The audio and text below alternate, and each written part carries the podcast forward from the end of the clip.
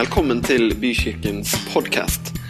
For mer informasjon om oss cvvvbykirken.no.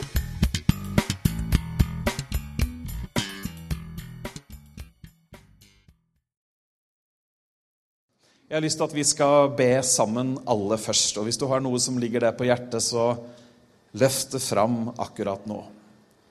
Herre, takk for at du kom til vår jord. Takk at du kom for å bringe nytt håp. Og takk at det håpet det er levende for alle som kommer til deg. Takk at vi kan få komme sammen i dag. Takk at vi kan høre ditt levende ord gjennom sang, gjennom tale, gjennom intervjuer og historier, Herre. Jeg ber om at du skal snakke rett inn i vårt liv, akkurat der hvor vi er i dag, Herre. Amen. Amen. Det er veldig, veldig fint å være her i dag, er det ikke det? Er det bare jeg som syns det? Merker at liksom eh, smilet har vært bredt fra første stund, kan du si. Ja, du er med på den. Jeg syns i hvert fall det er fint å være her, og det er veldig fint å se alle dere også. Virkelig. Vi er på vei inn i en høysesong. Det er sånn at Når jeg snakker med eh, de som er utenfor kirkeverden, og de eh, vet at jeg er pastor, eh, så eh, sier de med litt sånn medlidenhet i stemmen ja, det er vel mye for deg å gjøre framover med mange gudstjenester og julehøytid osv. Jeg takker for all omtanke, men eh, det de ikke vet, er at vi holder jo dette trykket oppe hele året. Det er jo ikke sånn at det bare er søndagen i advent vi møtes, men vi stikker jo innom her støtt og stadig, og det er, det er veldig bra. Dere, det er første søndag i advent. Advent betyr å komme. Det vet også mange. Mange små tror at det betyr å vente, men det er jo en viss sånn sammenheng med at noe skal komme, og at man venter, osv. Men i dag så skal jeg si noe om at Jesus ble født for verden. For hele verden, faktisk. Det er jo sånn at Selv om vi går inn i nok en runde med advent Hvor mange advent har du gjort unna? Har du tall på det? Ja, Det håper jeg du har. Det er ganske likt med antall år du har levd. Ikke sikkert du har vært like til stede i alle adventene, men det er nå engang sånn at de kommer ca. én gang i året. Men det er faktisk sånn da, at vi, selv om vi feirer at han kom, så holder vi ikke lenger på å vente at han skal komme igjen. Det var jo en gang sånn for det jødiske folket at de ventet på han som skulle komme. Profetene snakka om han som skulle komme. Det lå en forventning i hele folket om at det kommer en dag, en frelser. Men vi venter ikke lenger. Han har kommet. Og det er jeg veldig glad for. At han har kommet. Men hvorfor kom han, da? Hvorfor ble han født? Vi vet at han kom, så vi skal ikke bruke noe lange, lange argumentasjonsrekker for å bevise at Jesus en gang kom til verden. Det er det historikere eh, fjernt fra all tro som kan bekrefte. Men hva var det som gjorde at Jesus, Guds sønn, kom til vår jord. Jeg vet, jo ikke, jeg vet ikke hvem alle som eh, sitter foran meg nå, er, men hvis du på en eller annen måte har havna her, og på en eller annen måte lurer litt på hvordan er nå dette her, da? Venter vi på en som skal komme, eller har han kommet, osv.? Jeg skal forsøke å bringe klarhet i enhver forvirring som måtte finnes i hvorfor vi har advent, og hvorfor vi feirer jul, og hvorvidt det er noen som skal komme eller ikke. De aller yngste iblant oss, de som ikke er iblant oss, men som er oppe i annen etasje akkurat nå, de venter jo også på at det er en som skal komme, men det er en helt annen. Det er han som kommer til noen 24. desember. Og du må gjerne vente på han, altså. Vi så det, så altså, Det var jo halve prekenteksten min her i denne engelen og Maria i stad. Men Engelens klare beskjed til hyrdene på marken var Frykt ikke. Se, jeg forkynner en stor glede, en glede for hele folket. I dag er det født en frelser i Davids by. Han er Messias, Herren. Jesus, Guds sønn, han har kommet. Og han kom med en hensikt. Det var ikke sånn at Jesus var det eneste barnet som ble født eh, på den tiden. Nei, det var mange andre barn som ble født også rundt akkurat de samme tider. Forskjellen mellom han og de andre som ble født, var at han ble ikke født bare fordi det var noen som ønska seg barn, selv om det å ønske seg barn er noe fantastisk, og det å oppleve å få barn er noe fantastisk.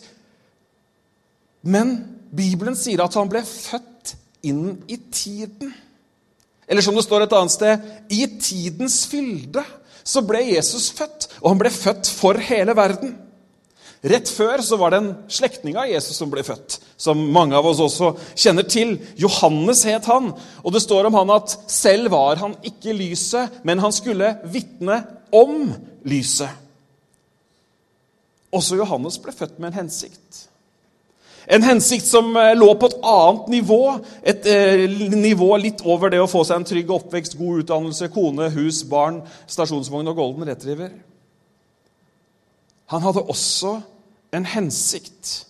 Han skulle være en som forberedte vei for han som skulle komme Jesus. Jeg vet ikke åssen det er med deg, men når et nytt barn fødes Når jeg ser en sånn veldig fersk, eller ganske fersk så merker jeg at jeg stopper litt opp. Og så tenker jeg litt på hvordan kommer livet til dette barnet å være? Er det flere som tenker sånn? Hva slags utdannelse skal de ta? Hvor kommer de til å bo? Hva slags personlighet er det? Det nydelige vet du, når et nytt barn kommer til verden, er jo at det er jo noen øyne som verden ikke har, verden til nå ikke har sett. Det er en stemme. Jeg syns stemmen er interessant også. En klang som ikke Den ligner kanskje på noen andre, men så er den ikke helt lik allikevel. Og noen ganger, tro det eller ei, så tenker jeg litt sånn også når jeg snakker med ungdommer. Ikke sånn der negativt 'Hva skal det egentlig bli av han der', liksom? Men jeg merker det at når man snakker med dem og stopper opp for dette nye livet, så kan man bli fylt av undring. Hva kommer dette mennesket til å bety for sine nærmeste? Eller kanskje for samfunnet, eller kanskje for en annen sammenheng? Når Jesus skulle bli født, så hadde Maria helt klart noen tanker om hva barnet skulle komme til å bety. Tenk deg å få den beskjeden hun fikk av engelen. Hør, du skal bli med barn og føde en sønn, og du skal gi ham navnet Jesus. Der kunne vi vært med, alle sammen. Ok, jeg får ikke velge navn sjøl. Men så sier engelen videre, han skal være stor og kalles den høyeste sønn, og Herren Gud skal gi ham hans fars Davids trone. Han skal være konge over Jakobs hus til evig tid, og det skal ikke være ende på hans herredømme. Jesus kom til hele verden. Maria skjønte det. Om hun ikke skjønte fullt ut hva det betydde, så fornemmet hun noe i sitt indre. Jesus skulle fødes for hele verden. Han ble født for hele verden. Og i Bibelen så leser vi at Maria bevarte disse ordene i sitt hjerte. Men dere, hvorfor? Det er et stort hvorfor. Hvorfor kom engelen? Hvorfor skulle dette skje? Hvorfor ville Gud sende sin egen sønn til jord? Hvorfor ville i det hele tatt himmelen røre ved jorda? Hvorfor ville det hellige, det evige, det sanne, det rene Hvorfor ville det røre ved det som hadde sagt vi vil gå en annen vei? Vi vil gå vår egen vei. Jeg skal lese for dere nå et skriftsted, og dere får det på veggen. Og det er mulig du kan det utenat. Men her ligger noe av svaret, og jeg skal forklare. For så har Gud elsket verden at han ga sin sønn den enbårne, for at hver den som tror på Han, ikke skal gå fortapt, men ha evig liv. Hvorfor sendte Gud Jesus? Hvorfor ville himmelen berøre jorda? Dere, vi snakker om en gigantisk kjærlighetshistorie. Vi snakker om en kjærlighet som vi faktisk må bruke de neste minuttene på å forsøke å forklare. For kjærlighet, det klinger ulikt i våre ører. Vi har ulike referanser og preferanser på hva kjærlighet er. Men det var kjærligheten det var Gud som sto der på kanten i himmelen. Eller jeg vet ikke helt hvordan det ser ut når han titter ned på oss, men i alle fall så var det, så var det sånn at han, han så menneskene. Han så menneskeheten. Menneskene som hadde gjort gale ting, ja da, men likevel så så han menneskeheten, og han var full av beundring. Han så hvor fantastisk alle var skapt. Indere, nordmenn. Fattige, rike. Han så skapningen. Han hadde jo sjøl skapt dem. Han hadde jo sett at de var skapt i Guds bilde, selv om menneskene på den tiden var fanget av djevelen. Men Gud så de er jo skapt i mitt bilde. Det er jo jeg som har designa dem. Det er jo jeg som har skrudd dem sammen, sånn at de kan leve i fellesskap med meg. Jeg som er far til alt som kalles barn. Jeg som er full av nåde og kjærlighet. Jeg som er den sanne glede. Det er jo det de er skapt for. Menneskeheten var så dyrebar for Gud, og han elsket dem så hardt at hans hjerte kunne ikke la være å foreta seg noe. Har du vært hodestups forelska noen gang? Jeg ser at noen av dere må grave litt langt bak i hukommelsen, men noen av dere har vært hodestups forelska. Jeg kjenner noen av dere så godt at jeg husker til og med hvordan noen av dere var når dere var hodestups forelska. Og da er man villig til å gjøre veldig mye. Jeg var hodestups forelsket i denne kvinnen her. For noen år siden var. Jeg skal jo si jeg er også, da. Men da, ja, men da var det sånn hodestups. Og du vet, Når, når, når man er hodestups forelska, når, når, kjærligheten er så sterk at du bare må gjøre noe vet du, da, Og dette var før det ble billig å ringe. Da ringer du liksom på liksom, tur i Belgia, så ringer du med norsk mobilnummer til Østerrike, og du bryr deg katta om hvor mange tusen den regningen var på. Han bare må. Og du vet, Det er der Gud kommer, det er der svaret kommer inn. Det er der vi får en aning om hvorfor Jesus ble født for hele verden. Fordi at Gud han har en lidenskapelig kjærlighet for menneskene. For alle menneskene har han denne kjærligheten. Og til og med, selv om han hadde gjort noe galt Gud hadde all grunn i hele verden på å være skuffa. Har ikke hørt på det jeg sa. Gikk motsatt vei. Altså, Han kunne jo, han kunne jo dratt, dratt ut holdt på sin hel kommode med skuffelser. Men så var det en kjærlighet der. For så har Gud elsket verden at han gav sin sønn. En kjærlighet som ikke vi kan klare altså, altså Bibeloversettere og språktolkere vet du hva, de har hatt store problemer, og de har det fortsatt opp gjennom hele historien, å virkelig finne ord når de skal beskrive Guds kjærlighet, det som vi kaller for agape. Og de, de, beskriver det som en eller annen tilstand man er i når man er så glad i noen, elsker noen så høyt, beundrer noen så vanvittig, verdsetter noen så høyt at kjærligheten kommer til et punkt hvor den bare ikke kan la være å foreta seg noe. Det er kjærlighet, det. Du skjønner, Det er ikke sånn at Gud liker deg bitte litt. Noen mennesker går rundt og tenker at Gud han liker meg sånn bitte litt. Han liker meg litt ekstra på søndag, og så liker han meg litt ekstra hvis jeg gir til misjon. Nei, nei, nei, nei. Han elsker deg med en evig kjærlighet. Derfor ble Jesus født. For hele verden. Du vet, Det finnes jo mange former for kjærlighet. På gresk så har man i hvert fall fire termer, og vi, vi kjenner eros, ikke sant, som er den, den kjærligheten som i, i, sitt vesen søker sitt eget beste. Og så har man stergo, som er den der familiære kjærligheten som gjør at vi tar ekstra hånd om våre, våre søsken og vår, og vår, nære familie. Og så har vi filio, som mange kjenner, som er liksom den der vennskapelige kjærligheten som har det derre what's in it for me-perspektivet.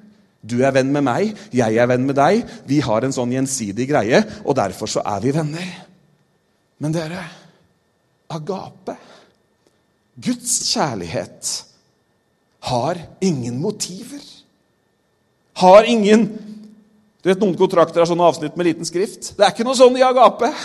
Det er ikke noe sånne vedheng som ikke du vet helt hva betyr. Nei, den er bare god. Hm. I realiteten så kan vi si at agapekjærligheten er så sterk at den rett og slett er uimotståelig. Gud kunne ikke la være.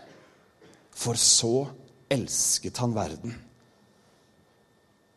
Han elsket oss på en sånn måte at han ga seg selv. Jesu kjærlighet gjorde at han ga sitt eget liv.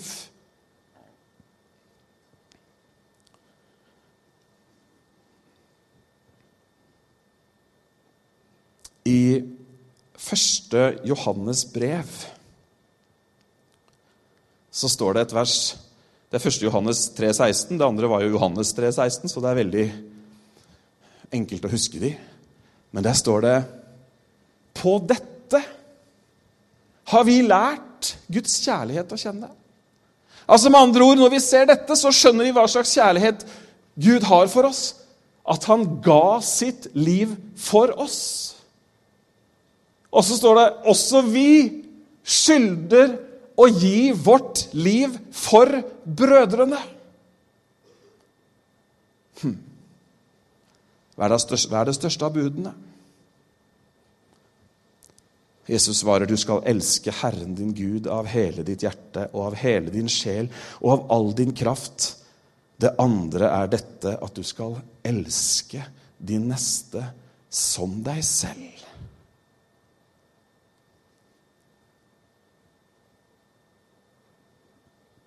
Det er det samme ordet for kjærlighet som brukes når vi oppfordres til å elske vår neste som Gud Som brukes når Gud beskriver sin kjærlighet til oss.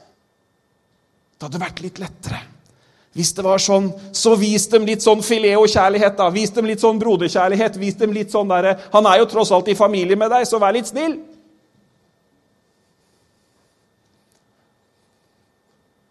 Skjønner dere hvorfor dette budskapet kan forandre verden? Får vi en anelse om den forløsende kraften som fins i kjærlighet? Og så sier Bibelen at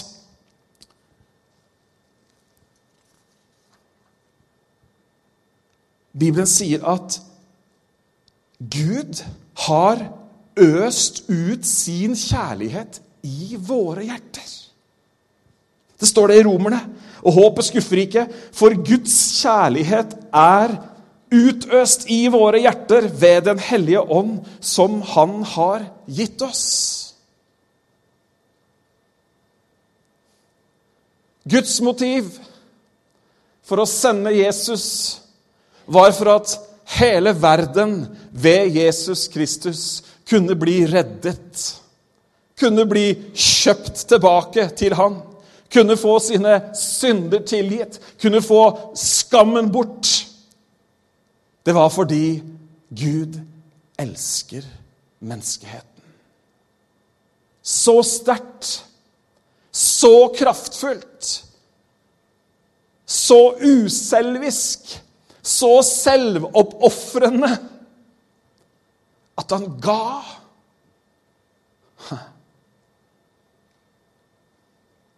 Bibelen sier ingen har større kjærlighet enn at han gir sitt liv for sine venner. Gud har gitt sitt liv for sine venner. Han har gitt sitt liv for menneskeheten. Jesus ble født for hele verden.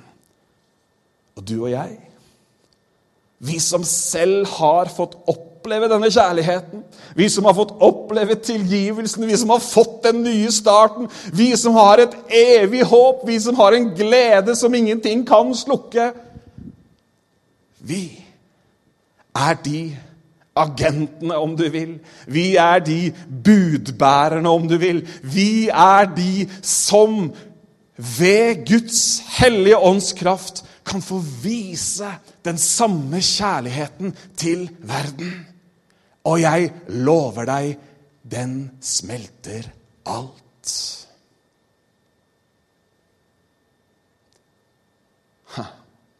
Når vi møter de rundt oss med Guds kjærlighet. Når vi har kjærligheten mellom oss som troende i kirkefellesskapet, når det er vårt kjennetegn nummer én, da skal verden se, sier Bibelen. Amen. Jeg føler at vi har et par skritt å gå. Men det er ikke sånn Eh, det er, det, er, ikke med en sånn liksom, 'Å ja, nei, dette klarer vi ikke'. Jeg, jeg, dette gir altså et sånt håp inn i denne julen. At han døde. Han ble født og døde og sto opp igjen. For hele verdens skyld. For alle menneskers skyld. Ja, Betyr det at det er greit da alle mennesker er, er liksom kommet over på andre siden? Nei, det betyr det ikke. Det er Bibelen veldig klar på. Men potensielt så kan alle mennesker ta imot julens glade budskap om at en frelser er dere født i dag i Davids by. Jeg skal lese ett bibelvers til slutt. Det finner du i Johannes. Og Først så handler det om døperen Johannes, og så handler det om Jesus. Det sanne lys som lyser for hvert menneske, kom nå til verden. Han var i verden, og verden er blitt til ved han. Men verden kjente han ikke. Han kom til sitt eget, og hans egne tok ikke imot ham. Men alle dem som tok imot ham, dem gav han rett til å bli Guds barn. De som tror på hans navn. De er ikke født av kjøtt og blod, ikke av menneskers vilje og ikke av manns vilje, men av Gud. Og ordet, Jesus, ble menneske og tok bolig iblant oss, og vi så hans herlighet, en herlighet som den enbårne sønnen har fra sin far, full av nåde og sannhet. Dere, Jesus ble født for hele verden. Det betyr at han ble født også for deg. Gud elsket verden på en sånn måte og så høyt. Ikke bare hele verden, men også deg. Hvis du ennå ikke har tatt imot hvis du ennå ikke har tatt imot Han og fått oppleve Hans kjærlighet, så kan du få gjøre det i dag. Barnet som kom, og som ble lagt i en krybbe, er verdens frelser. Han er Guds sønn. Han er den oppstandende Messias. Han er den som kan gi det evige liv. Bibelen sier at hvis du tror det i hjertet ditt, og bekjenner det med munnen din, så blir du frelst. Det var da enkelt. Ja, Bibelen sier at det er veldig enkelt for at ingen skal kunne gå seg vill. Hvis du tror det du har hørt i dag om Jesus, Guds sønn, og så sier du det, bekjenner du hvem du tror på, så er du blant dem som tok imot ham. Så er du blant dem som kan kalles Guds barn velsigna adventstid. Herren har kommet.